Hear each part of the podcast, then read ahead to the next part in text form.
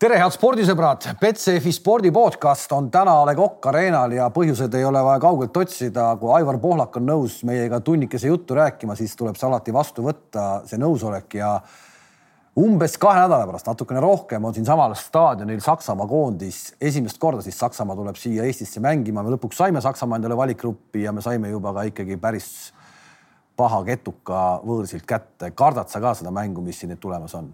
On see kartmine õige sõna või, või, või kuidas sa suhtud?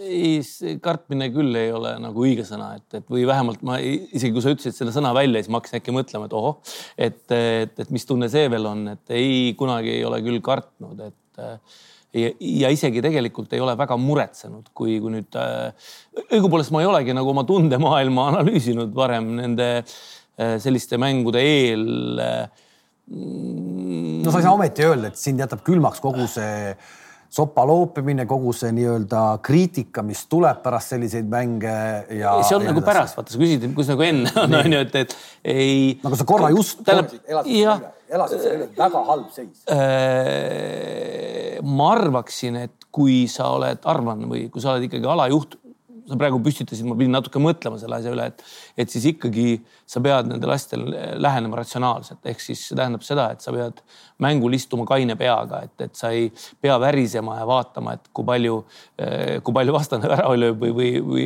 mitte mõtlema selle peale, mis seis on, vaid sa pead ikkagi nägema seda, mis reaalselt nagu väljakul toimub, sa pead enne väljakut nägema, enne mängu nägema, nägema eh, treeneri käitumist, sa pead hindama tema Äh, intervjuusid. Äh, äh, sellega sa saad aru, mis seisundis ta mängule vastu läheb, treenerite tiimi käitumist soojenduse ajal ja nii edasi ja nii edasi, et mis ei tähenda seda, et ma istuks seda spetsiaalselt nagu vaataks, aga see on pigem see nurk, millelt, millest ma nagu, millest ma nagu vaatan ratsionaalse pilguga, eks ole.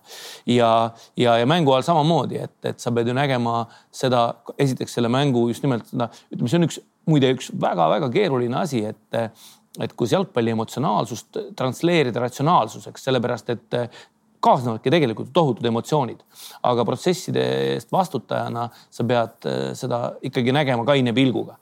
ja, ja, ja, ja tegelikult eh, nüüd juba läheme sujuvalt ka nagu mängujärgsetele olukordadele üle, see on tegelikult täpselt samamoodi, et, et, et kui sa võtad lihtsalt endasse sisse kogu selle, et ma arvan, et minu jaoks on nagu oluline just olnud see, et, et noh, üldse, üldse ka tegelikult erinevate nurkade alt see emotsionaalse, ratsionaalse tasakaal, et, et ma mitte mingil juhul ei taha olla see inimene, kellel ei lähe korda äh, mingisugune kellegi arvamus. aga selle arvamusega tuleb nagu osata olla ja, ja, ja esiteks tuleb teda osata nagu töödelda enda sees, saada kätte see, mis on väärtuslik ja, ja, ja, ja siis selles, ma nüüd ei ütle päriselt mängijaid ma õpetan küll selliselt, et, et see emotsionaalne tuleb unustada, sa võtad sealt selle iva äh, igast äh, kaotusest või igast muust. aga, ja unustad selle emotsiooni, teed järeldused ja unustad emotsiooni, aga ise võib-olla ma olen ka endale kui inimesele keerulisemad väljakutsed seadnud ma ei taha päris seda emotsionaalselt niisama nagu maha visata, et, et seda tuleb mingi nurga alt võtta kui, kui treeningut tegelikult, et äh, kuidas äh, olla keerulistes olukordades. sa ütlesid, sa ütlesid protsessi juhtimise vastutaja ehk et sina kui alaliidu presidendina seda siis ikkagi nagu oled. täna meil on protsess läinud sinnani, et meil on null punkti ja suure tõenäosusega meil jääbki null punkti äh, sa seda ka ei karda, see, see ei tekita sinust kuidagi sellist tunnet, et kurat, midagi on täitsa valesti läinud? no ma ju tean tegelikult ju täpselt, mis, kuna ma jälgin seda olukorda, ma ju tean, mis, mis seis on, et et äh, jalgpallis on, on protsessid väga pika vinnaga ja ma võin öelda nagu, kuidas öelda, nagu kergendusohkega, et tegelikult äh, see auk, mis meil oli siis kuskil noh, kaheksakümne, üheksakümnendate esimesel poolel sündinud jalgpalluritest, et, et me pigem selle augu oleme nagu nii kergelt üle elanud, et, et see päris tagasilöök tuleb alles selle augu lõpus. et, et, et üheksakümmend kuuenda sünniaastaga äh, mängijaid, üheksakümne kuuendast kuni tähendab siis üheksakümne teisel poolel sündinud mängijaid on meil juba mõnevõrra rohkem ja, ja kust valikut teha ja siis äh, kaks tuhat kolm on see, kus tuleb nagu tohutu hüpe siis, et, äh, et, et. jõuame sinna ka, aga, aga sina, kes sa oled nagu algusest peale kogu aeg rääkinud sellest vundamendi ehitamise tähtsusest, siis nüüd tuleb välja, et seda vundamenti ikkagi nagu tegelikult ei ole, kui selline auk sisse tuli see ei ole tänane taipamine, see on ikka aastaid tagasi tulnud taipamine, et äh, tollel üheksakümnendatel oli ikkagi Flora, FC Flora roll oluliselt suurem, kui ma seda tegelikult päriselt hindasin. ja kui selle staadioni ehitamisega läks Kehtna jalgpallikool kaks tuhat äkki kaks tuhat kaks hingusele, äh, siis ühel hetkel, kui me tegime analüüsi ja vaatasime äh, noorte jalgpalli siis arvukust aastate lõikes, siis vot see koht oli küll tol hetkel, kus sai no, mitte ehmatatud, aga ütleme nii, et see oli üllatuslik äh, avastus aga, aga nelikümmend protsenti langes hetkega noorte meistrivõistlustel osalemine ehk siis noorte väljalangemine jalgpallist tol hetkel. täna ometi ei saa öelda, et meil oleks vähe jalgpallureid. lasteaiast, ma kuulen kogu aeg seda, lasteaiast te korjate kõik lapsed esimesena ära, ükski teine ala enam endale noori ei saa. kõik mängivad jalgpalli, kus nad on siis? peab paika, aga üks asi on nii-öelda harrastamine, teine asi on kvaliteedile või elukutsele orienteeritud tegevus. ja, ja just ja just see ongi, see ongi nagu see, see teema, eks ole, et, et üheksakümnendate esimesel poolel kukkus lisaks Florale ära ka sündinutega, kukkus ära ka Tallinna jalgpalliklubi, kes oli teine hea kasvulava, kus siis Vassiljevit, Kruglovit, Dmitrijevit, selline seltskond on tulnud, Tarmo Kink minugi poolest, kui soovite. et või kui keegi soovib, et ja, ja üheksakümnendate teisel poolel kui Flora veel ei kosunud sündinutega, siis ma räägin kogu aeg sündinutest, eks ole. Eh, siis tuli Mart Poom eh, ja hakkas tegema Nõmme Unitedit ja, ja, ja, ja Tallinna jalgpallikool reorganiseeriti siis eh, jalgpalliklubi Leegioniks ja seal saadi asjad uuesti nagu käima. et see kvaliteedile orienteeritud tegevus on käinud tegelikult suhteliselt kitsal pinnal ja, ja sellepärast on ta olnud ka nagu väga tundlik, et ehk siis kui Flora Kehtna kool kinni pandi, siis see kohe selgelt mõjutas. seda ma tunnistan, et ma kohe ei, ei adunud. ja, ja, ja see kvaliteedile orienteeritud tegevus laiapinnalisemaks läks veel hoopis hiljem, et, et, et kui nüüd vaadata seda kaks tuhat kolm sündinud U seitseteist koondist, mille juurde sa hiljem tahad tagasi tulla, siis, siis, siis sealt tulevad juba mõnevõrra siis laiematest kohtadest äh, või ka rohkematest kohtadest. ühel hetkel Tammeka alustas kvaliteedile orienteeritud tegevust ja nii edasi ja nii edasi ja nii edasi, et, et ega sellel jalgpalli populaarsusel või ala populaarsusel on ka omad miinused. see tähendab seda, et muuhulgas näiteks treener saab alati tööd, sellepärast et äh, see kasv, puhtnumbriline kasv on nagu väga kõrge. või siis, et äh, või siis jälle siis see materiaalne pool, et, et tippklubid Nad on väga selgelt orienteeritud esindusmeeskonna tulemusele ja, ja, ja, ja sageli ka nende klubide juhid on orienteeritud sellele, et äh, näiteks äh, väga selgelt Levadiast tulid mängijad sellel perioodil, kui äh, nendel olid kasutada nii-öelda Kotkas juunioriga ühinemisest tulnud, Kotkas juuniorist tulnud noormängijad. et, et, et selline, ühesõnaga neid, neid asju, neid mõjureid on nagu nii palju ja, ja, ja sa võid endale nagu ette kujutada ühel hetkel küll, et, et süsteem on suur ja, ja, ja toimib mingit pidi, aga tegelikkuses no, no millal me hakkasime rääkima tulemust sõnast? ei ole, tulemust hetkel ja, veel me ei näe tulemust. et kui me hakkasime kasutama sõna kvaliteet tegelikult, et me peame vägisi sellele, et me kasvame kogu aeg, peame suutma orienteerida, orienteeruda ümber kvaliteedile ka või vähemalt osaliselt orienteeruda ümber. no see oli vähem kui kümme aastat tagasi. et, et, et, et see. täna, täna ma, ma kuulen, ma kuulen, vasta, ütle, kas see on õige või mitte, et U neliteist Eesti meistriks saab tulla treeningmahtude pealt neli korda nädalas trenn ja nädalavahetusel üks mäng noh, kui see, kui see, kui see peab paika, siis on see ju selline tore kooskäimine, see ei ole tegelikult ju jalgpalli nii-öelda tõsiselt harrastamine või tegemine. ma ei usu seda, et ma ei usu seda, ma arvan, et ma, tähendab, ma tean, et näiteks U seitseteist, U seitseteist, U kaksteist tasandil nad küll mängivad veidi teistmoodi, aga tippsatsid treenivad, treenivad kindlasti rohkem. aga äh, siin on siiski ka nagu filosoofiline erinevus, ma ütlen, ma, kuna ma tean, et meil jah, kaks tuhat viis ei, kindlasti hakata nüüd mõtlema natuke, vaata, sa ei ole ju, ma ei ole ju ka noorte jalgpallis iga päev sees, et tipud treenivad ikka kindlasti, kindlasti rohkem, et äh, iga päev treenivad, üks puhkepäev nädalas, ühesõnaga. Ja, ja ega noh, lastel peab ju ka lapsepõlv tegelikult olema, et see ongi üks, üks spordi kõige keerulisemaid osasid, et kuidas laste jalgpallist tulla profisporti üle niimoodi, et, et sa kasvataksid treeningmahtusid nii-öelda mõistlikult ja, ja loogiliselt, et, et mm.... no muu maailm ju teeb seda rohkem kui meie või ei tee? kas muu äh... maailm, ütleme siin Saksamaa, võtame suured jalgpalliriigid, oma noori piitsutavad siis sama palju või vähem või, või, või kuidas, kuidas sealt nagu tuleb? mul, mul, mul on selline tunne, et seal on nagu, nagu totaalne professionaalne erinev lähenemine äh,. muuseas äh, just Norbert Hurdaga hiljuti vestlesin, kes on U seitseteist koondise peatreener ja Flora spordidirektor ja ega ka Euroopas sellisel moel, nii-öelda parimal moel noortetööd ega liiga paljud ei tee. sellepärast, et eh, jalgpalli jällegi üks õnnetusi on see, et tema sisemine konkurents on sedavõrd suur ja noh, ühesõnaga erinevad anded tulevad siia ise kokku ja veavad ennast ka sellest läbi, sellest eh, kadalipust või kuidas seda nagu nimetada.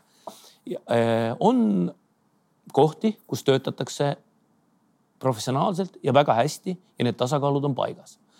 kus arvestatakse sellist asja näiteks, et treeninggrupid ei ole liiga suured, treeninggrupid on mm, kaksteist kuni kuusteist selleks, et äh, iga mängija tähendus oleks suurem, et ta saaks talle tähelepanu pöörata ja nii edasi ja nii edasi ja nii edasi. Äh, näiteks BSV Akadeemias Norbert kirjeldas äh, mulle selle toimimist, kui nad võtavad mängija, siis selle mängija, see peab olema seal akadeemias vähemalt kolm aastat ehk siis see tähendab seda, et äh, valik tehakse väga rangelt ja sellesse mängijasse suhtutakse äh, väga tõsiselt.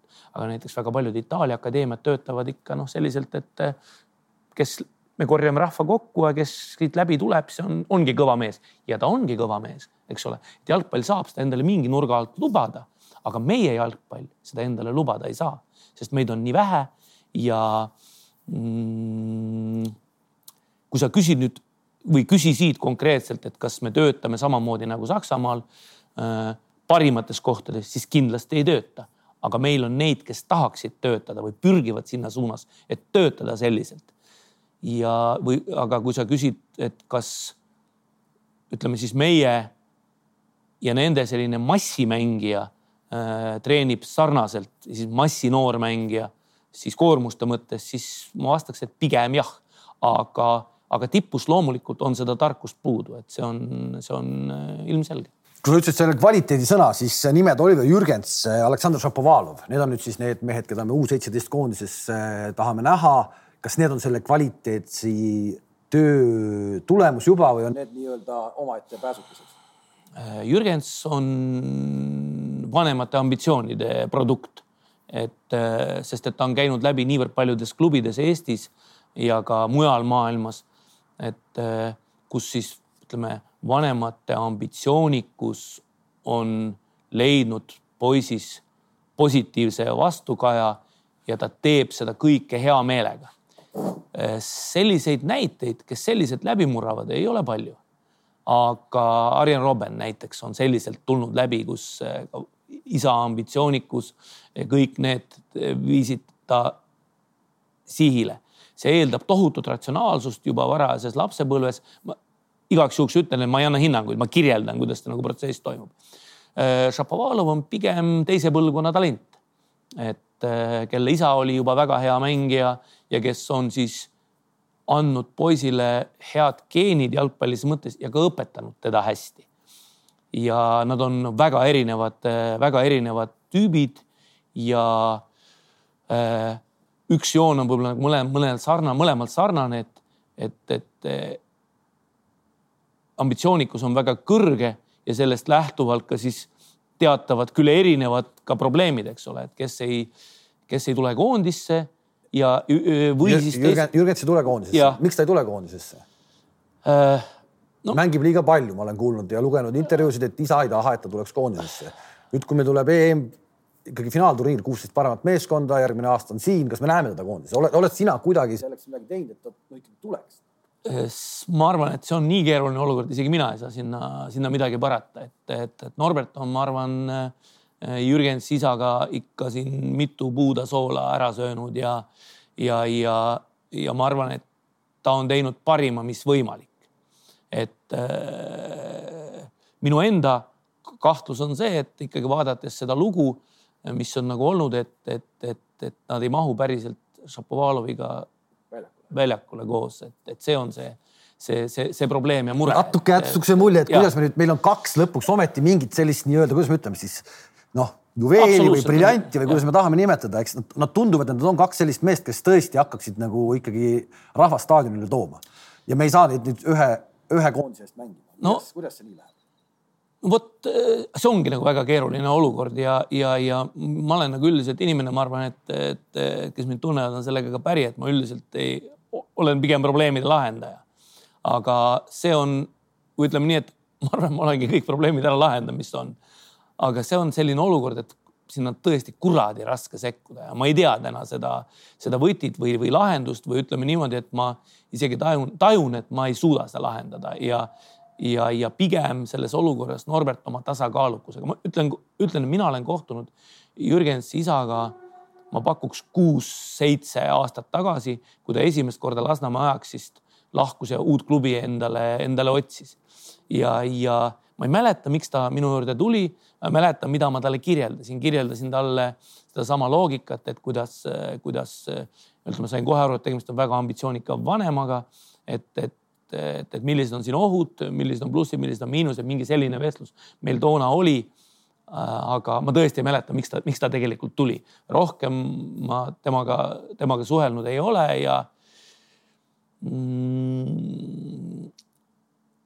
sul on täielik usaldus sellele, et Norbert saab selle asjaga hakkama? ja selles olukorras ja selles olukorras tõepoolest ja, ja, ja, ja ma ütlen ka selliselt, et kui ta näiteks lõpuks ei tule sinna koondisse, siis, siis järelikult ei olnud seda ka võimalik nagu mingil moel nagu teha, et, et, et aga, aga no seal on ka seesama teine pool, et ega noh, ka meeskond, kes on pikalt juba koos käinud, et, et ühel hetkel ongi nagu hilja sinna koondisse tulla, et ja ma, ma ei kujuta ette, kas isegi sellisesse koondisse saab tulla äh, niimoodi, et, et, et, et sa tuled finaalturniirile, et, et. Nagu... aga miks sellisesse koondisse temasugune mees ei saa? ta no, hetkel ta ikkagi tõestab, ta ma... mängib seal Itaalias ja nüüd ta paugutas ühes mängus juba kohe läks, samamoodi näitas ju selles mõttes, et läks. Järgmine päev põhimõtteliselt oli mäng piltlikult öeldes, vajutas kolm väravat peab paika. Jah, et ja, ja see ongi seesama, et ma hakkasin rääkima sellest, et kuidas meeskond seda vastu võtab, eks ole, et see on jällegi, aga see on puhtalt jälle treeneri teema, tema peab seda tunnetama, tema saab seda protsessi, protsessi juhtida, et, et, et, et mina saan ainult eh, öelda, et, et kuule, et, et mulle tundub, et sa noh, teed nagu õiget asja, ma pean silmas siis seda suhtluspoolt, et, et ja noh, ütleme nii, et ma jällegi pean natuke ennast nagu tagasi hoidma, sest ma ei saa siin ka muutuda selliseks, selliseks noh, kes kõik ära räägib, eks ole, et eh, sa ei ole praegu paavst, eks ole, kellel ma peaks pihile tulema või kellega ma tohiks pihile tulla, tahaks väga küll rääkida südame pealt kõik ära seoses Jürgensiga, eks ole. aga, mm, aga ei saa lihtsalt, et, et, et siis see võib teha selle kõik nagu veel keerulisemaks, et, et võib-olla ma siiski ma selle pika lause ja. rääkisin sellepärast, et ja. mõelda, et ma ikka söandaks ühte asja öelda, et, et ja ära, ära ärgita, siis ma hakkan kahtlustama juba, et, et aga, aga Norbert on minule sõnastanud eh, ühe lause, et tema tajub, et äh, isa tahab või et meie ei kutsuks teda koondisse, et meie närvid ütleksid esimesena üles. ja, ja Norbert on öelnud, et ta ei, ta, ta on võtnud endale eesmärgiks, et seda ei luba ehk siis tema on nii kannatlik kui vähegi võimalik ja selle ja see tekitab ka minus veendumuse, noh, ma olen Norbertiga nii pikalt koos töötanud, et, et see ongi seesama parim, mina ise teeks samamoodi, aga ma ei tea, kas mul jätkuks seda kannatust, eks ole. me oleme rääkinud hetkel äh, Oliver Jürgensi nimest, ma arvan mm, -hmm. et mhm. Tegelikult massid teagi üldse seda nime. me räägime hetkel justkui mingisugusest täielikust superstaarist hetkel, me räägime Aleksandr Šapovalovist ka nagu justkui mingist superstaarist. On see U seitseteist koondis siis tõesti selline nüüd, mis nagu päästab kogu selle? tead, ma tuleks korra Šapovalovi poole ka tagasi, kuna me peaaegu üldse temast ju ei rääkinud. Ja, ja temaga on jälle nagu teistmoodi probleemid. On lihtsalt see, et kui sa ja kui sa võtad nüüd U seitseteist koondise mängu Hispaaniaga, okei okay,, Šapovalov lõi võiduvärava kaheksakümne viiendal minutil, oli vist umbes kaheksakümne viiendal, tead sa, mitmendal ta sisse tuli? no mitte väga palju varem. just, jah kaheksakümne kolmandal. ja kui sa hakkad mõtlema, et miks Šapovalov tuli sisse Hispaaniaga mängus kaheksakümne kolmandal minutil, miks ta ei mänginud sealt algusest peale?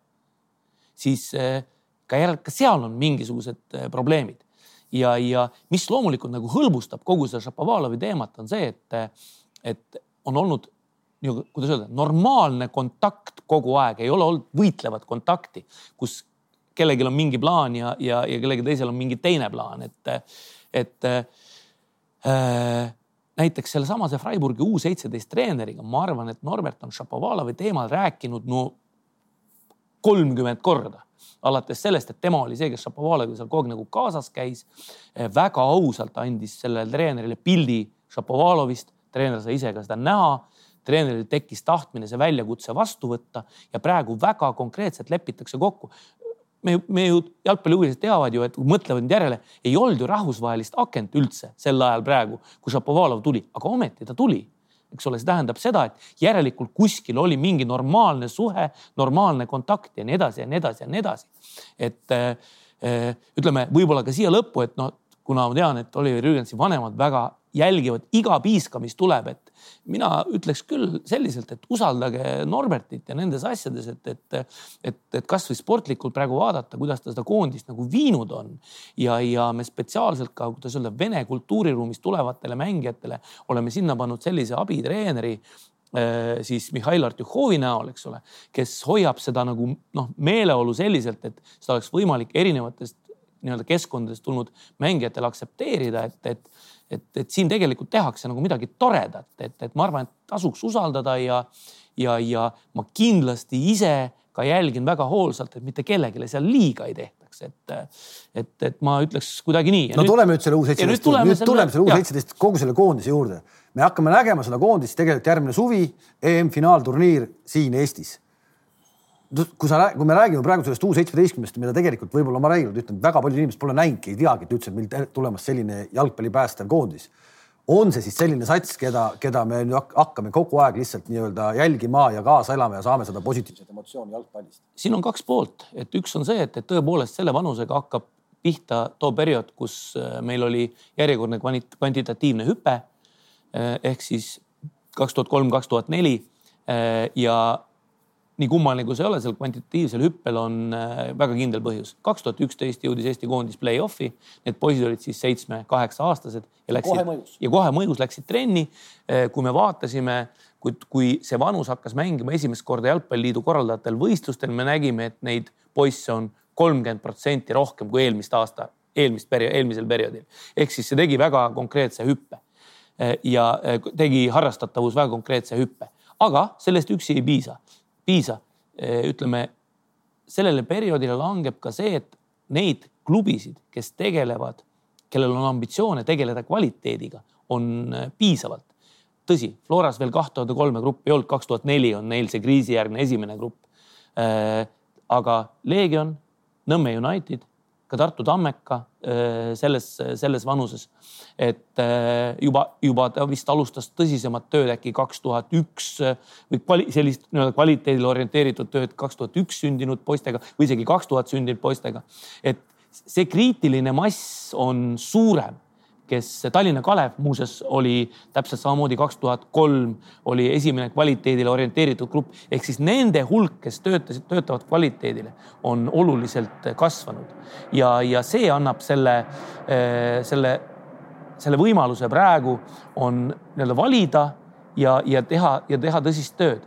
Ja, ja loomulikult Jalgpalliliidu poole pealt ka me oleme pannud nagu hästi noh, palju vahendeid, isegi naljatatakse, et, et U seitseteist koondise eelarve on suurem kui A-koondise eelarve, see muidugi ei pea paika. aga, aga, aga, aga hästi palju tähelepanu sellele, ehk siis see on selle asja nagu üks pool, ehk siis eh, kui me taotlesime U seitseteist finaalturniiri, siis meil oli selge, et me peame saama selle sellele vanusele, sest see vanus oli nii-öelda esimene, kus me arvasime, et me suudame teatava kriitilise piiri ületada ja nagu näha, siis tundub, et peab paika, eks ole. Aga teine pool on ikkagi ka selles, et et äh, ütleme, et meil on õnnestunud seda tööd teha endal paremini, et ehk siis mm, me oleme mingitel perioodidel äh, nii-öelda eksperimenteerimise korras jalgpalliliidu poolt keskendunud mingitele vanustele võib-olla natukene tähelepanelikumalt. Ja kahjuks me olemegi täna jõudnud veendumusele, et tegelikult on ju ma ei taha ka liigselt klubisid kritiseerida, aga ma räägin sellest olukorrast lihtsalt, et äh, töö peaks käima tegelikult klubides, ehk siis klubid valmistavad ette mängijad, jalgpalliliit valib parimad koondistesse ja läheb no. koondisega välja, eks ole. ja, ja, ja nüüd äh, need, need protsessid on viinud need, ütleme, igasugused testid ja asjad, mida me seal oleme teinud, me oleme jõudnud tänaseks, no mõnevõrra, mõni aasta tagasi tegelikult see järeldus tuli, et äh, klubid ilma meiepoolse panuseta ei saa seda, sellega ise hakkama, ei saa hakkama, jah. ehk siis sellest äh, see päris keeruline erinevate solidaarsusmehhanismide loogika ja hooajas siis kaks tuhat kakskümmend üks äh, hakkab Jalgpalliliidu tehniline osakond juhtima kõikide premium-liiga klubide noorte tööd. et ehk siis kui küsida jällegi, et miks see järeldus nagu nii hilja tuli, no järeldus tuli, ma arvan, üks viis-kuus aastat tagasi, äkki võib-olla seitse aastat tagasi. siis ei olnud finantsi. siis ei olnud finantsi ja oli vaja ehitada üles see, see ikka kõik liigub samm-sammult, et sa pead täpselt panema paika, mida, millise pusletüki sa paned. kas nüüd, kõik klubid on sellega ja... nõus, et teie tulete sinna nii-öelda vahele? kõik, kõik klubid ja kõik ühehäälselt on selle solidaarsusmehhanismiga nõus ja aasta hiljem me teeme sama esiliiga klubidega. ehk siis me palkame noortetööjuhi koostöös klubiga ja selle noortetöö juhte juhib omakorda Jalgpalliliidu noorteosakonnast siis noortetööjuhtide juht ja, ja, ja need noortetööjuhid, nende ainus töö saab olema juhtida nende klubide noortetööd eesmärgiga tõsta kvaliteeti. see on jällegi selline kuidas öelda, nagu ebatavaline meede tõenäoliselt, aga me lihtsalt ühel hetkel jõudsime järeldusele, et teisiti ei ole võimalik. kas see kõik on nii-öelda enda katse eksitusmeetodi läbitegemine või sa oled võtnud mingi mudeli ka kuskilt, et kelle järgi me teeme, kes nii teevad veel? ütleme niimoodi, et see on ühtepidi on see kaks katse eksitusmeetodil, sellepärast et me väga selgelt oleme algusest peale leiutanud seda oma jalgratast ühe nurga alt, selleks, et teada, kuidas see sõidab ja noh, meie ühiskonna spetsiifika on meie ühiskonna spetsiifika, meil ei ole ju profijalgpalli või klubide toimimise eh, no, äh, iseeneslikku loogikat, eks ole, see kõik tuleb kunstlikult tekitada. aga äh, ühel hetkel jällegi ma arvan ka kuus-seitse, võib-olla kaheksa aastat tagasi, võib-olla rohkem, aeg lendab kiiresti, küllap sa tead seda isegi, selles vanuses lendab eriti kiiresti. Ja on loomulik nagu väga palju Eesti ühiskonda, kui me vabanesime, siis me hakkasime olema orienteeritud algul Soomele, siis Skandinaaviale ja nii edasi ja nii edasi. et, eh, et me ühel, ühel, ühel hetkel tegime ka põhimõttelise hoiaku, et meid ei rahulda see orienteeritus Skandinaaviale, nii-öelda automaatne orienteeritus. me hakkasime analüüsima seda, et, et, et, et kuidas see asi tegelikult nagu võiks käia ja siis me muutsime oma orienteeritust ja hakkasime otsima nagu sobivat meie ambitsioonidele vastavat ja me jõudsime Šveitsini. me järgisime Austriat, Šveitsi, Belgiat siiamaani ja ka Hollandit mõnevõrra sellepärast et meil olid hollandlased siin, eks ole. aga noh, me saime sealt selle positiivse kätte, saime ka koos negatiivsega, et Holland seetõttu langes natuke ära, et need, need mõjud olid meil juba, juba siin sees. ja, ja me siiamaani muuseas, kui me toome erinevaid statistilisi näiteid, näiteks kollaste kaartide või mingite reeglite rakendamise suhtes, me toome täna, kui vanasti oli Soome, Rootsi, Norra, eh, mõnikord ka Taani, siis praegu on pigem Austria, Šveits, Belgia näiteks. Eh, ja, ja, ja, ja nii-öelda Äh, mõtestame neid asju lahti, miks üks või teine protsess selliselt, et Šveits on olnud ka osaliselt selle asja eeskuju. näiteks väga konkreetselt on Šveits olnud eeskuju jalgpalliliidu pilootprojektile, mida me käivitasime sellest aastast, ei, eelmisest õppeaastast lausa, kui Arte gümnaasiumi kaheksandasse klassi korjasime kokku kaks tuhat neli sündinud Tallinna piirkonna parimad mängijad, keda klubid olid nõus ära laskma et ja, ja nüüd läheb selle pilootprojekti teine teine siis, teine aasta. see on nagu mingisugune nii-öelda jalgpalliakadeemia moodi asi. just täpselt. ja kui palju seal neid poisse siis lõpuks on ja kui palju nemad treenivad või kus nad kakskümmend pluss poissi, võib-olla on ka kakskümmend miinus poissi, jällegi pole ise vaatamas käinud. pigem kakskümmend miinus poissi, nad treenivad esmaspäev, teisipäev, kolmapäev, neljapäev akadeemias, siis jalgpalliliidu treenerite juhtimisel töötavad tugevad Eesti treenerid, siis nad lähevad reedel peale kooli, lähevad klubisse, treenivad reedel klubis ja mängivad laupäeval või pühapäeval eh, siis oma klubi eest.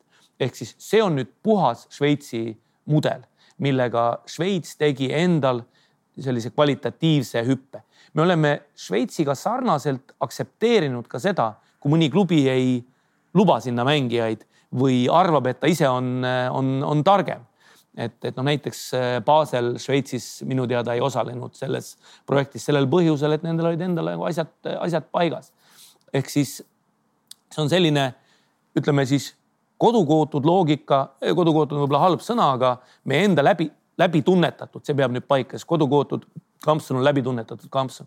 et meie oma läbitunnetatud loogika ja siis parim praktika sellest, keda me enda ambitsioonidele vastavalt peame täna eeskujuks või mudeleeskujuks, et, et aga, aga, aga selleni jõuda, see on nagu, oli nagu nii pikk protsess ja, ja, ja no, näiteks kasvõi noorte meistrivõistluste mudeleid, mudelite leidmiseks, mis vanuses on parim, mis mudeleid mängida.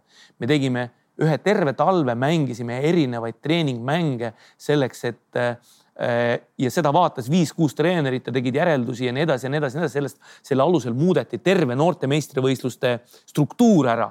nii et ma lihtsalt seda räägin lihtsalt selleks, et noh, kirjeldada seda, kui palju me oleme tegelenud, tegelenud nende detailide okay. ja asjadega, et, et see ei ole niisugune munade sügamine olnud et.... kui ma küsisin, et kas kõik klubid olid äh, ühe, ühiselt nõus, et vanasti oli tegelikult natuke isegi ägedad ajad, kui kui Victor Levada oli, sul on selline oponent nagu ja, ja ikkagi sellist nagu noh, ka avalikkuse ees natukene ikkagi visati üksteisele pihta. täna ma saan aru, et ta ikkagi nii-öelda vanemad mehed juba rahunenud ja, ja enam sellist nagu sõjakirvest ei ole. no võib-olla pole õige sõna ka.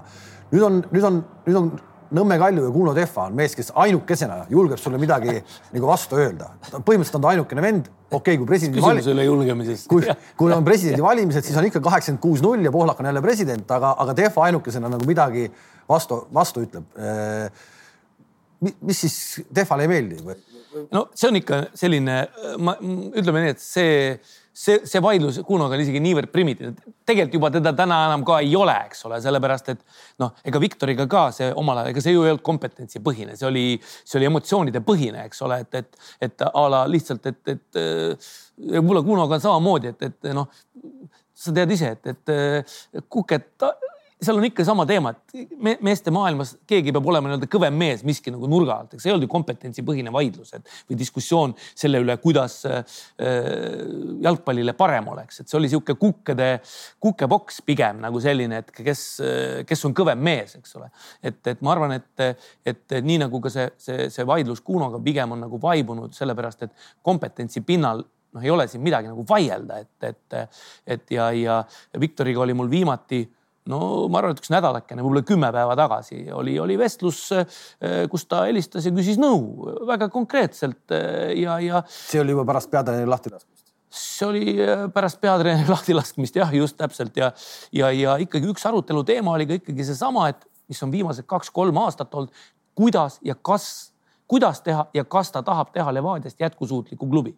see on. see on temal jätkuvalt täna üleval teema. see on temal jätkuvalt. ehkki ta pani juba leivad ühte kappi nii-öelda FCI-ga oma noh. just, just, just.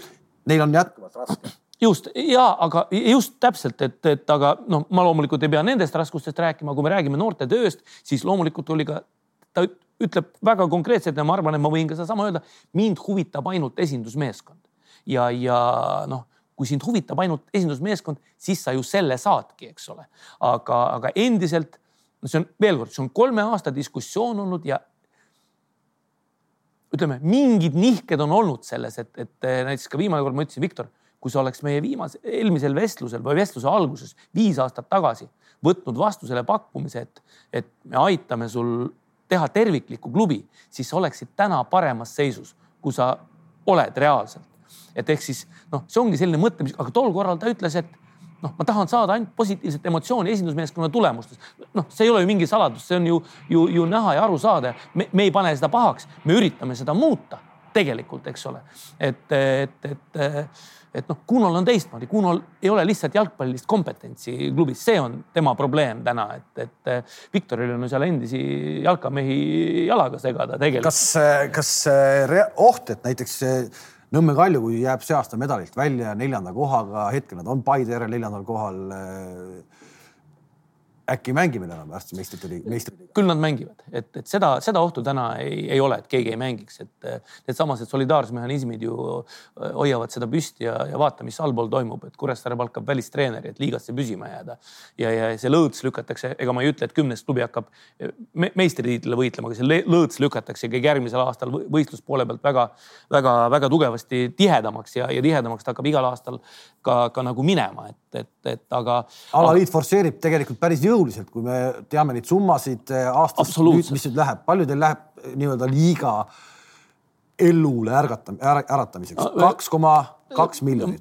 jah, ma sul peast enam neid numbreid täpselt ei mäleta, neid on arvutatud. kaks tuhat kakskümmend kaks miljonit, kaks tuhat kakskümmend kaks, kolm miljonit. just ja just täpselt nii, see on minu intervjuust tuleb kuskilt välja.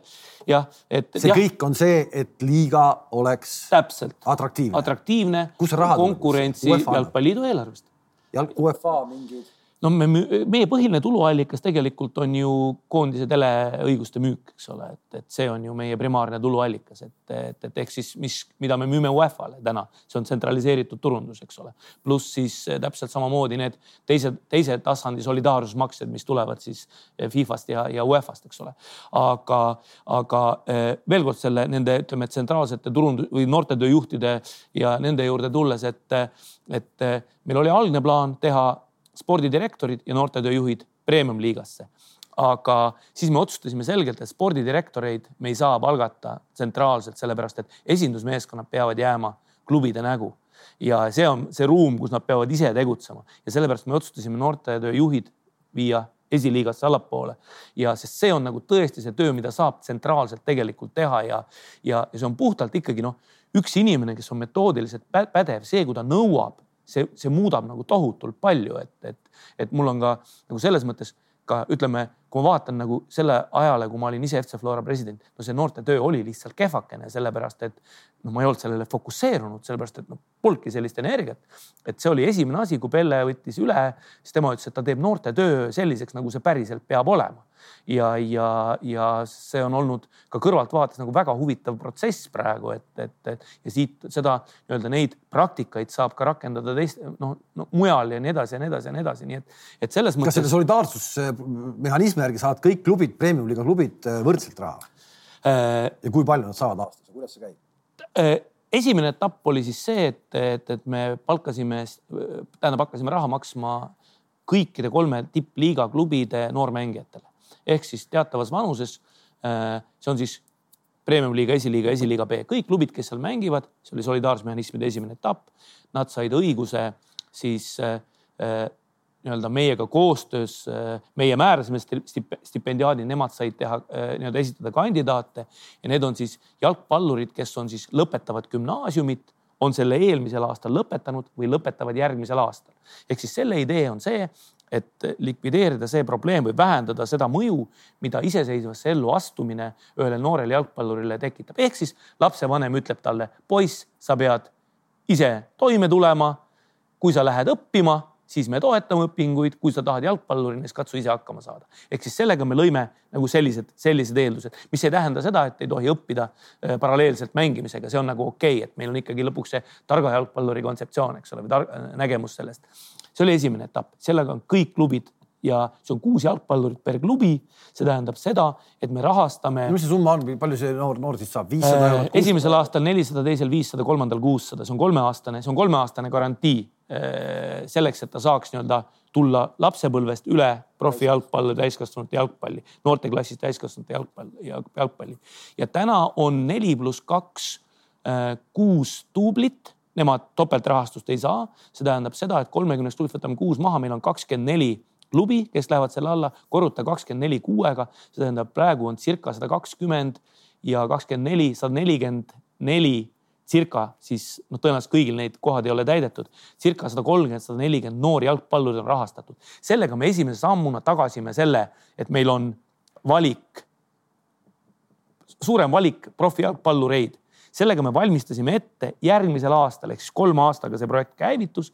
nüüd selle aasta lõpus tulevad esimesed vilistlased sellest projektist ja järgmisel aastal käivitub siis äh, see tasandusmakse, kus me äh, maksame ja selle projekti maksumus, selle stipendiaatide projekti maksumus on pool miljonit äh, eurot aastas, pool miljonit.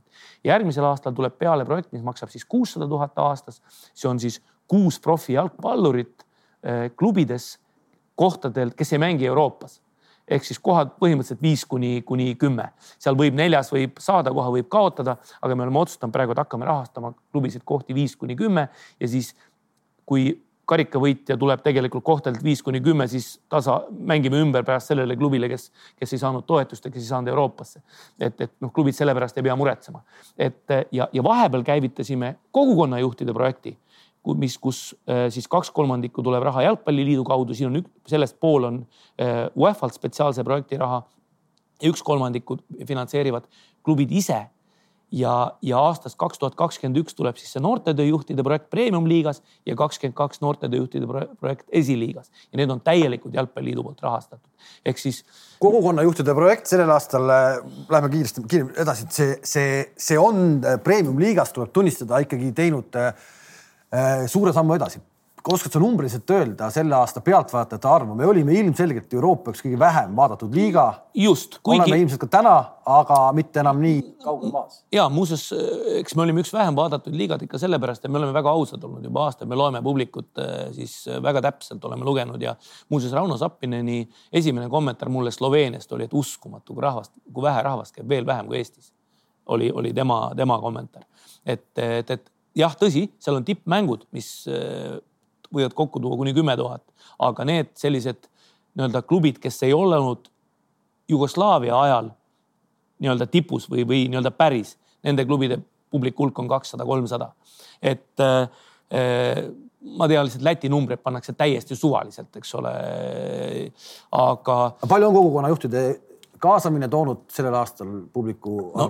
minu arust siin mingitel hetkedel oli see lausa ühe koma seitsmekordne, et, et see oli ikka päris, päris võimas, et on paar klubi ainult, kus ei ole sellist suurt kasvu. pluss on, pluss on, ei saa märkmata, et kui kaua see leping ERR-iga veel kehtib?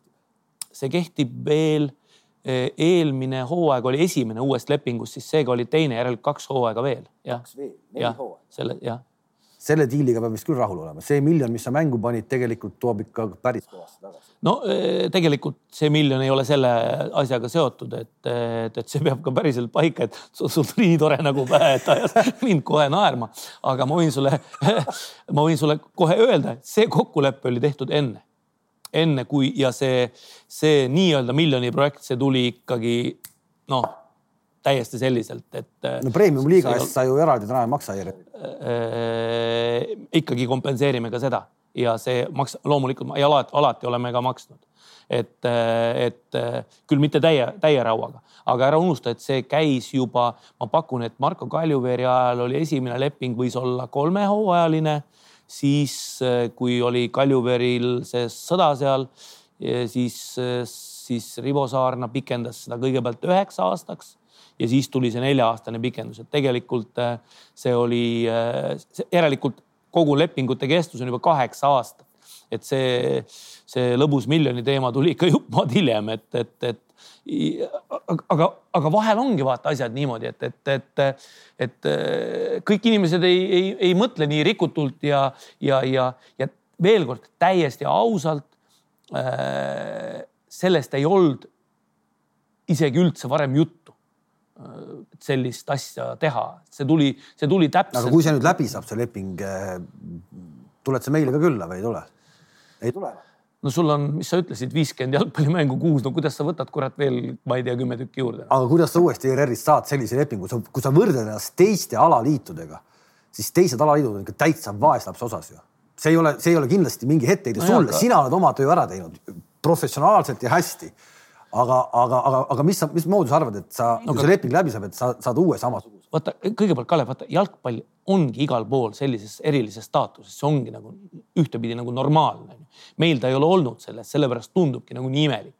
aga äh, veel kord ma ütlen sulle, et see oli enne kokku lepitud ja, ja, ja, ja, ja ütleme niimoodi, et me pidevalt jälgime seda protsessi, pidevalt kohtume ERR-i juhtidega, muuseas ka täna kohtusime ja äh, me ei tea, mis saab edasi sellel põhjusel, et me ei tea, kuidas turg muutub, me ei tea, kuidas ERR-i kontseptsioon muutub ja nii edasi ja nii edasi ja nii edasi, et, et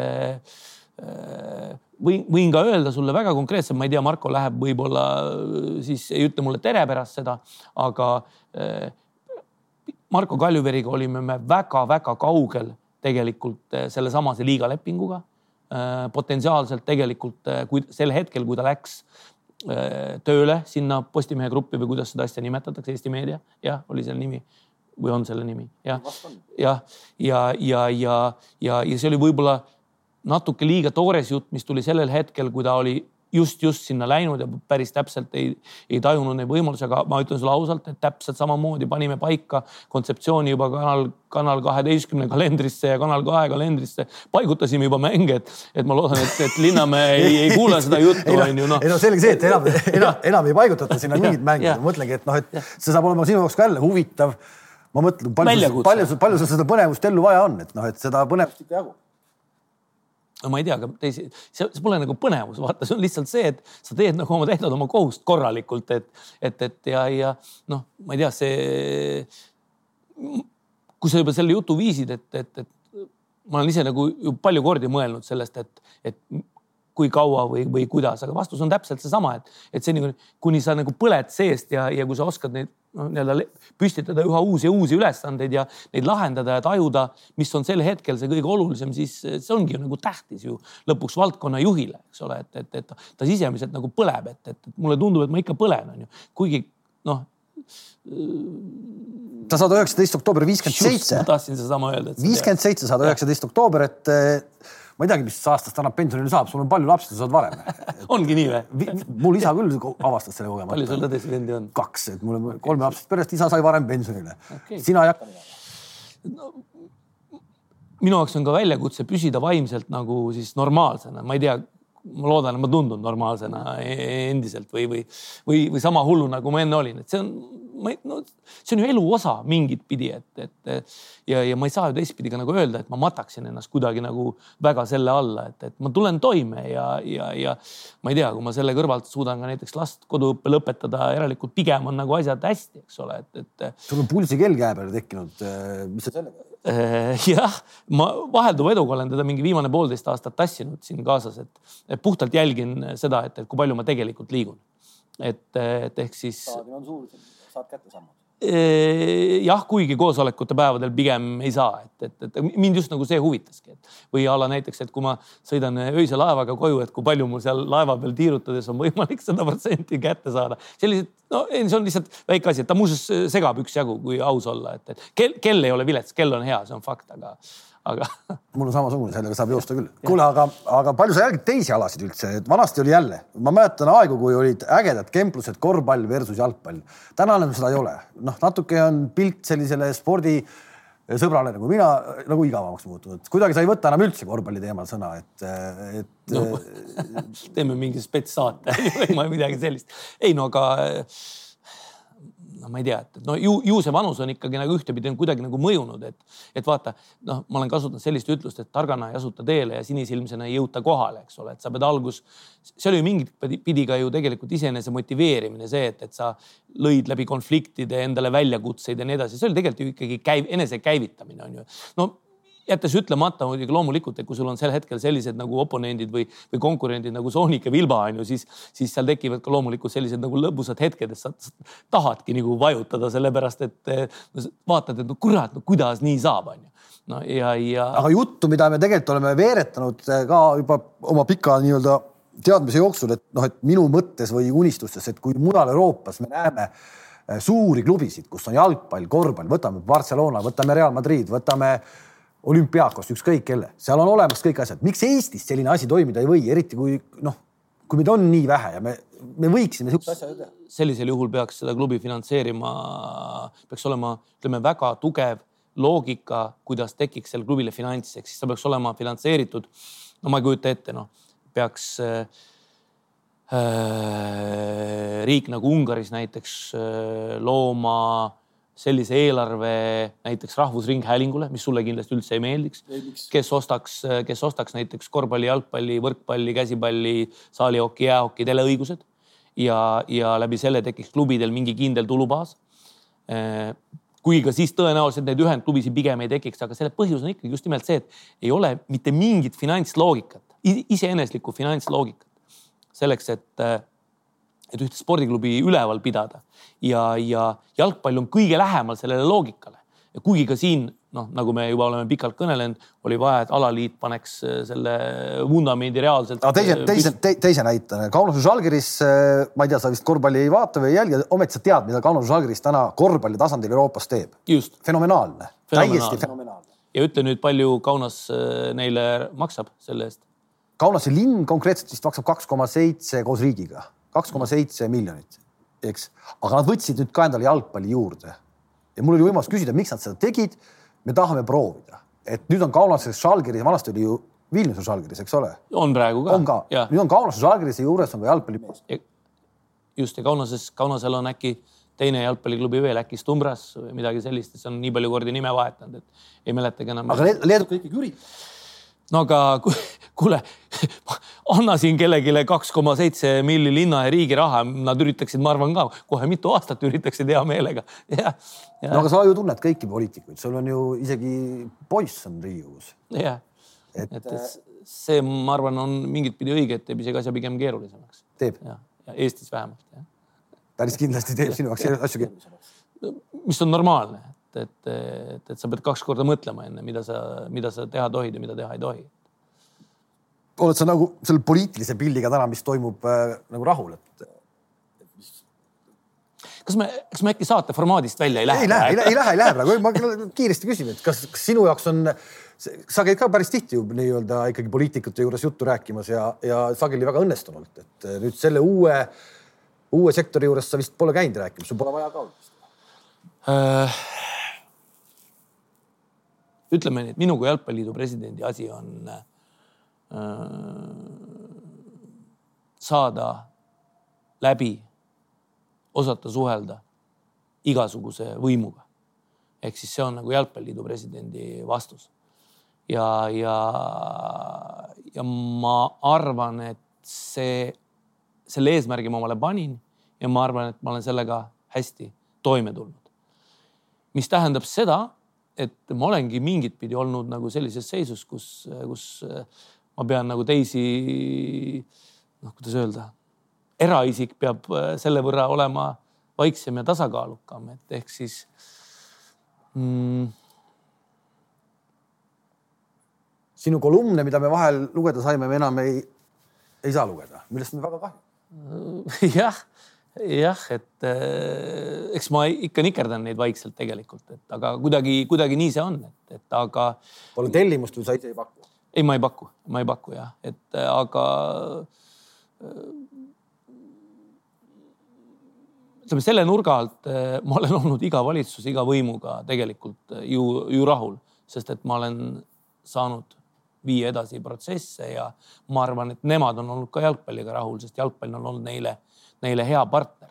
ja, ja nii nagu me olime kogu pika aja, mil oli Reformierakonna valitsus, olime neile heaks partneriks, siis, äh, siis ma arvan, et ja ma arvan, et nad võivad seda kinnitada. et, äh, et muuseas kuna me püüame, püüame hoida ka lõbusat tooni üleval, siis viimasel Eesti-Hollandi mängul oli siis vestlusring oli Kalle Palling, Taavi Rõivas ja mina. Ja siis selle vestlusringi nagu siis Kalle oli äkki see, kes selle ütles, et Taavi, et kui kui see staadion asuks Kasahstanis, siis oleks praegu Taavi Rõivase nimeline staadion.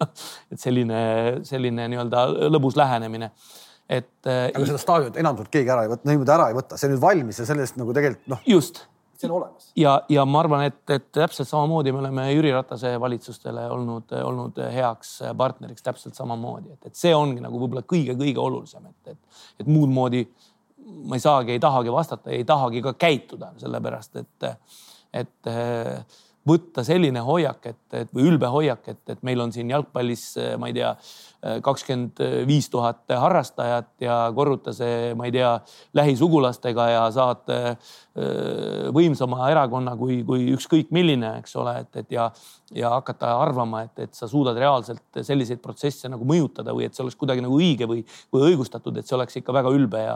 ometi täismängu see staadion ju peale UEFA supercupi näinud ei ole, ka Hollandi mäng ikkagi oli üksteist tuhat. üksteist tuhat ja kuus, kuus jah, vist oli ja. kuus, et, et aga mis on ikkagi päris äh, kõva number tegelikult teise nurga alt ja, ja, ja miks seal ei olnud rohkem. Äh, jah, okei okay,, ka meie eestlaste sektoris oli ju vabu kohti tegelikult, aga hollandlaste nii-öelda sektor ei olnud ligikaudugi täis ja seal oli palju vabu kohti. nüüd sakslaste sektor on muuseas täis, eks ole. ehk tuleb et, uus rekord. tuleb uus rekord päris kindlasti ja, ja jah, tuleb uus rekord päris kindlasti ja, ja ma arvan, et, et kui me oleme staadioni valmisehitamise aastal saime superkarika ja staadioni valmisehitamise järgmisel aastal oleme saanud kaks mängu, mis ületavad staadioni senise eh, nii-öelda maksimumkapatsiteedi, siis on asjad tegelikult ju hästi, et, et, et Eesti-suguses riigis, kui sa mõtled ja, ja mis see meil oli, see Valgevene mängu number tegelikult selline, kuidas öelda, reamäng, äkki oli seitse pool või isegi seitse poole kaheksa vahel.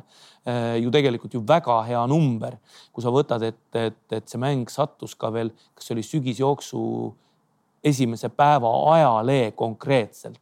aga kui ma nüüd ütlen sulle, et äh, Hollandis kooliaasta käib, puhkused on läbi, läheb võrkpallikoondist vaatama üle tuhande fänni koha peale, nädalaks ajaks panevad kohad kinni, teeb vähe kadedaks ka? ei, see on ju tore on väga... kadedus ei vii kuskile edasi, et, et ei, seda tunnet mul küll kuskilt ei ole, et, et, et, et ütleme nii, et see on see, milleni viivad tulemused, eks ole, ja, ja, ja ja, ja see ongi, see ongi normaalne, noh, et, et mõtleme samamoodi, et kui Eesti jõuaks EM-finaalturniirile, et palju siis sinna läheks kohale neid, neid fänne, et. jõuame, sa ikka kogu aeg oled öelnud no,. Jõuame. jõuame varem või hiljem, me lihtsalt töötame nii hästi, jah et aga ei, ei kadedus ja siuksed asjad, võib-olla see on ka selle vaata selle korvpallijutu kokkuvõtteks, et, et tegelikult ega lõpuks ju negatiivsete asjadega kuskile ei lähe, et, et meid on vaata, võib-olla oli ka üheksakümnendate algusel nagu teistmoodi, et, et siis me tulime selle laulva revolutsiooni pealt ja oli selline, seda positiivsust oli nagu nii palju, et nüüd on seda negatiivsust ja paska on nii meeletult palju, et sa püüad nagu ise seda mitte nagu tekitada, et see on nagu fakt, et, et, et, et see nii-öelda maailm, kus, kus kapitalistlikud loogikad tekitavad äh, tahet äh, saada igast inimesest tarbija, tekitada tarbija ja, ja, ja kus on lihtsam tekitada tarbijat äh, loomulikult sellises kohas, kus inimesed tegeleksid ka ainult tarbimisega. ehk siis, kus nad ei mõtleks endale olulisematest asjadest ja, ja see oli tegelikult ju üheksakümnendate keskel üks, üks võtme võtmeteema, kuidas veel kord vabandan väljenduse eest, kuidas Eesti ühiskond perse keerati ju täiesti teadlikult ju ässitati eestlasi üksteise vastu ja no,, ja õpetati õpe-, ja täpselt nii jah, ja õpetati nii-öelda läbi negativismi kõike nägu nägema, et, et selle, selle, selle, selle nii-öelda nurga all, et nagu noh, me vajame kriitikameelt, et see ei ole ju kriitikameel, kui sa kogu aeg vaatad, kuidas kellelegi kuradi käru keerata või, või, või midagi nagu halba teha või, või öelda, et, et ja kusjuures see ei ole mingi, mingi eestlastele omane, see on lihtsalt, see on ajastule omane, me olime väga oma naiivsuses ja lihtsameelsuses ja sinisilmsuses, me olime väga lihtne saak, mida palja käsi võtta, et, et et, et, et see, see, kindlasti täna me oleme pallimängudega teinud päris mitu ühist koosolekut ümber laua ja väga okei meeleolus oleme erinevaid teemasid äh, arutanud ja muuhulgas muuseas ka seda võimalust, kuidas tekitada pallimänguklubidele ikkagi äh, läbi just nimelt selliste mehhanismide, mida ma tegelikult kirjeldasin, tekitada Ungari sarnaste mehhanismide, siis tekitada mingisugune korralik nagu rahastusloogika, et sa saaksid reaalselt klubi üleval pidada, sa saaksid tegeleda profispordi profispordiga ja selle alla vajaliku püramiidi osa ehitamisega. sellepärast et ütleme nüüd, ärme ütle, ütle, ütleme kõigepealt nagu selliselt, et, et ütleme kõigepealt selliselt, siis laiendame seda, et jalgpallur on täna Euroopa üks kõige atraktiivsemaid elukutseid. Ja üks elukutseid, mis teatavatele hulgale poistest, teatavatele poistest on võib-olla ainukene võimalus jõuda noh, nimetame seda halja, halja male oksale ja tegelikult, kui me laiendame seda natukene ka teiste pallimängudega, siis see täpselt nii see ongi. ja, ja, ja et siin on oma loogika, et riik ja omavalitsused näevad seda kui, kuidas öelda, näevadki kui õpet, kui kutsekooli, kui võimalust kasvatada mäng üle elukutseks. ja et, et see tegelikult on koht, valdkond, mida, millesse tasub ja saab ja on õige investeerida riiklikke vahendeid ja see oli muuseas, kui kui sa meenutad toda Ungari, Eesti-Ungari mängu, mis lõppes kolm-kolm, kui Viktor Orban äh, oli siin äh, tribüünil, siis see oli ka loogika, mida ma Orbanil palusin Jüri Ratasele selgitada. miks Ungaris äh, riik finantseerib läbi riikliku telekanali teleõiguste ostmise spordiklubisid? see ei ole ainult jalgpalli. sa pidid seda läbi Orbani tegema mina olin seda juttu juba Ratasele rääkinud enne seda, aga, aga ta pidi seda kuulama ka Orbani suust, sellepärast et Pohlak võib igasuguseid asju välja mõelda lõpuks, mis talle kasulikud on, et see lihtsalt oli õige selliselt korraldada. et. Flora tuleb Eesti meistriks, see nüüd enam-vähem sada protsenti selge. sa küll ei ole Flora president enam, aga elad kindlasti Florale kaasa. kui palju Flora mängijaid äh, uuel hooajal jätkab välismaal? Äh, kaugel sellest, ma arvan ikkagi, et, et siin on äh, pikalt veel, pikalt veel minna ja, ja, ja, ja neid tiitleid kindlasti ei tohi jagada enne, kui kui, kui see asi äh, reaalselt on nagu ühel pool, et seda kindlasti ütlevad iga klubi inimesed sulle, kui sa selliselt alustad küsimust. aga mm, ma arvan, et see põlvkond üheksakümmend kuus kuni üheksakümmend üheksa sündinud, keda siis Flora on äh, siin läbi aastate klubisse toonud, makstes suuremaid ja väiksemaid üleminekusummasid, see on olnud mingit või tõesti hea investeering ja, ja, ja äh, näiteks äh, Pelle on näidanud mulle sakslastest fännide hulka ja, ja, ja ma tean, et Floral on sel talvel plaanis, on õnnestunud kokku leppida esimene treeningmäng ka Saksamaal, esimene. see tuli nüüd kõik puhtalt tänu see tuli tänu pikaajalisele tööle. Lõpuks tegelikult, aga on selge, see Eintrachti mäng oli see, mis pani sellele nagu okay. siis sellise hüüumärgi nagu lõppu ja, ja võib-olla hõlbustaks, et, et see on nagu selle kultuuriruumi Äh, mäletan, et äkki Pelle üks esimesi intervjuusid oli Õhtulehele, kui ta klubi presidendiks sai ja kirjeldas seda Saksa turu võitmist kui võtmist kui, kui ühte nagu olulist, olulist sammu, et see on, see on, see on nii pikk töö olnud selleks, et, et seda nagu mingit pidi võtta ja selles suhtes see Eintrachti, need Eintrachti mängud olid nagu, nagu, nagu rusikas silmaauku ja sobisid. et äh, palju läheb, ei oska keegi öelda, sest. Sorga läheb äh, ütleme nii, et noh, tema on loomulikult kõige reaalsem kandidaat, see on, see on selge, et, et, et aga, aga need kogu see turg on ka, toimib nii keeruliselt ja, ja fakt on ka see, et, et, et kindlasti nad ei soovi esindusmeeskonda nõrgemaks. kas Kost,, kas, kas Sorga saaks üldse mõelda minemise peale, kui Kostja poleks tulnud äh, hooaja alguses meeskonda äh,? ja kui sa minu käest küsid minu vaadet, siis, siis, siis ja, aga ma arvan, et see oli ka kui, kui vaadata selgelt, kui plaanipäraselt Flora on tegutsenud viimastel aastatel, siis, siis äh, ütleme niimoodi, et, et kes seda protsessi nagu pikemalt kõrvalt jälgis, oli selge, et kui Beglaršvili läks, siis pidi olema mingi plaan, eks ole, et, et, et ja siis see plaan oligi vahetada tegelikult Beglaršvili Kostja vastu välja. No vahetus, vahetuskaup iseenesest õnnestus ja, ja Kostja täna oma mis ta seal resultatiivsuspunktid on ikkagi üle kahekümne? jah, teine, teisel kohal resultatiivsuspunktidega jah, Sorga järel. Sorga järel, mis tähendab seda, et eh, äkki on Kostja vastu ka veel huvilisi? Äh, ja ilmselt ongi, ilmselt ongi, et, et, et äh, aga ühelt poolt on tal vanus ja teiselt poolt on ikkagi see, et, et noh, seda küsimust tuleb muidugi talle esitada, aga aga perega tuli koju, et, et, et kindlasti see äraminek saaks nüüd olema siit keerulisem kui, kui kunagi varem. aga muidugi seda välistada ei saa. Koostis tehti film, oled sa juba näinud seda või veel mitte? ma näen seda filmi neljandal oktoobril, et, et äh, ma ei tea, mis kuupäeva et sa pole ka näinud?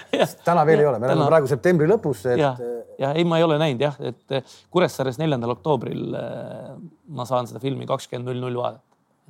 andsid seal ka oma kommentaari?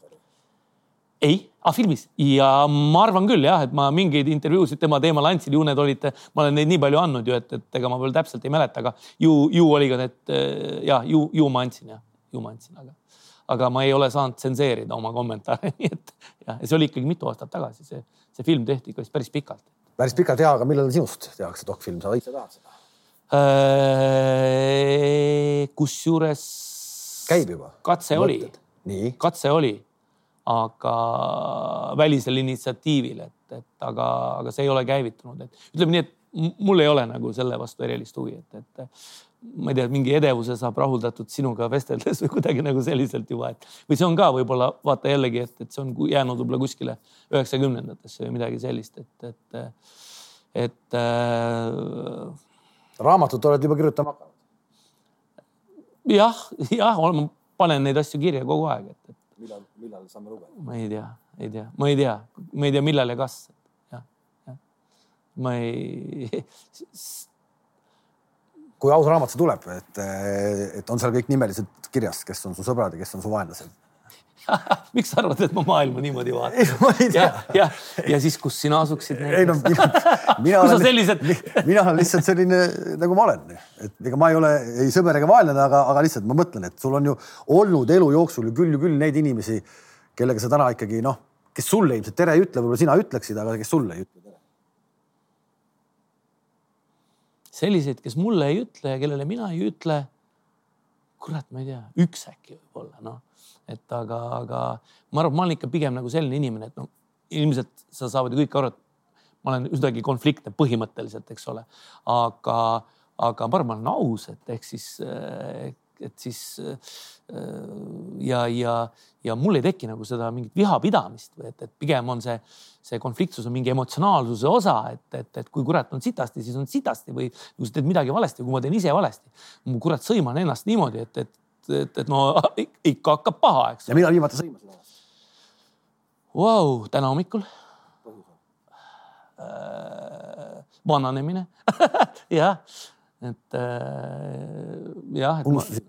ei, ei unustanud lihtsalt, et, et ütleme nii, et vananemisprotsessi käigus läheb üha keerulisem olla kaubanduslikult adekvaatne, aga õnneks ma olen piisavalt noorest peast nagu jälgi hakanud segama, nii et, nii et selles mõttes võib-olla natuke keerulisem on see, et, et, et kirjeldada, millal ma vana, vanaduse tõttu kaotan kaubandusliku adekvaatsuse, kuna ma olen, pole seda liini nagu väga hoolsalt jälginud, et. Aga ei, vaata, see on selline kuidagi noh, üle elada, noh, üle elada ongi nagu normaalne, see on, kui sa küsid kaotuste kohta, see on nagu ka muude asjade kohta, ma üleelamine on minu elu normaalne osa.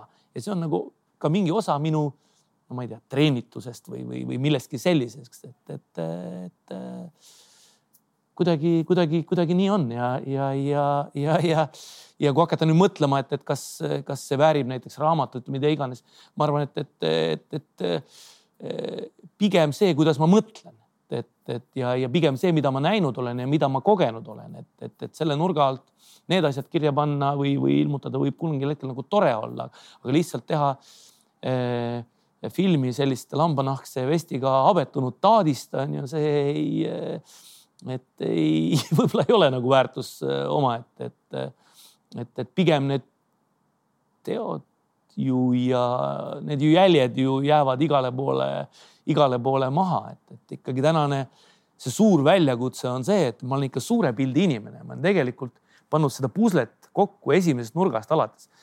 ma näen suurt pilti ja ma tean ju, liigun suure pildi suunas ja ma saan ju aru, et paljud ei saa sellest aru.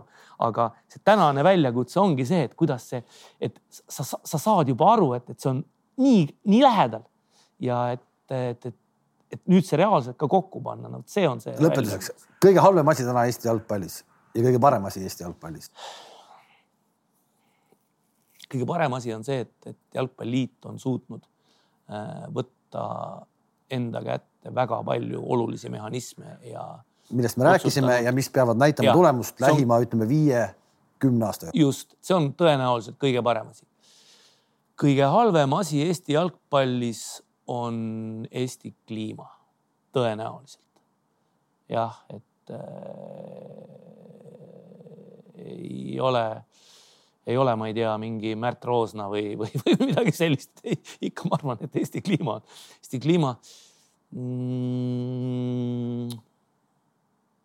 jah, ei, ma ei. sisehallid tulevad kiiresti, kui palju? Äh, ma arvan, et ma ei ole see, kes peab täna seda numbrit välja ütlema, et, et, et las keegi ütleb selle ise, ise, ise esimesena, et, et äh, paralleelselt käisin selle kõige halvema asjaga veel läbi koos kliimaga, tasub ikkagi öelda ka selle, et ikkagi meie kultuurikihi, jalgpallilise kultuurikihi äh, õhuksus. see tähendab muuhulgas ka ikkagi seda, et noorte treenerite taset näiteks, keskmist taset, keskmist taset. et, et võib-olla, võib-olla, võib-olla sellega selliselt nagu panna paika ja, ja hea poole peal ikka ka mõned äh, väga head persoonid, kes meil siin on ja on olnud. aitäh sulle. aitäh sulle. Aitäh, võib-olla küll jah, jah, sinuga on tore rääkida, sellepärast et me kuidagi nagu liigume sellises ühes äh, laines, on lihtne, lihtne, lihtne vastata ja. võib-olla ma peaks olema pettunud seda, võib-olla ma peaks kuulma, et, et, et sinuga ei ole tore rääkida ei, vastupidi, selles mõttes, et, et ma ei tea, isegi kui sa esitad nagu, kuidas öelda, raskeid küsimusi, siis, siis see liigub nagu emotsionaalselt kuidagi nagu õiges, õiges suunas, et, et on äh,. No, sa ei ole klassikaline ajakirjanik. no suurepärane loodetavasti oli teil ka see tunnikene või natukene rohkem huvitav kuulata, mida Aivar Pohlak rääkis ja, ja ma jään küll nüüd põnevusega ootama järgmist viite aastat. mis siis meie jalgpallist saab, tundub, et eh, Aivar on saanud pusletükid kokku ja midagi hakkab juhtuma. nägemist. aitäh kõigile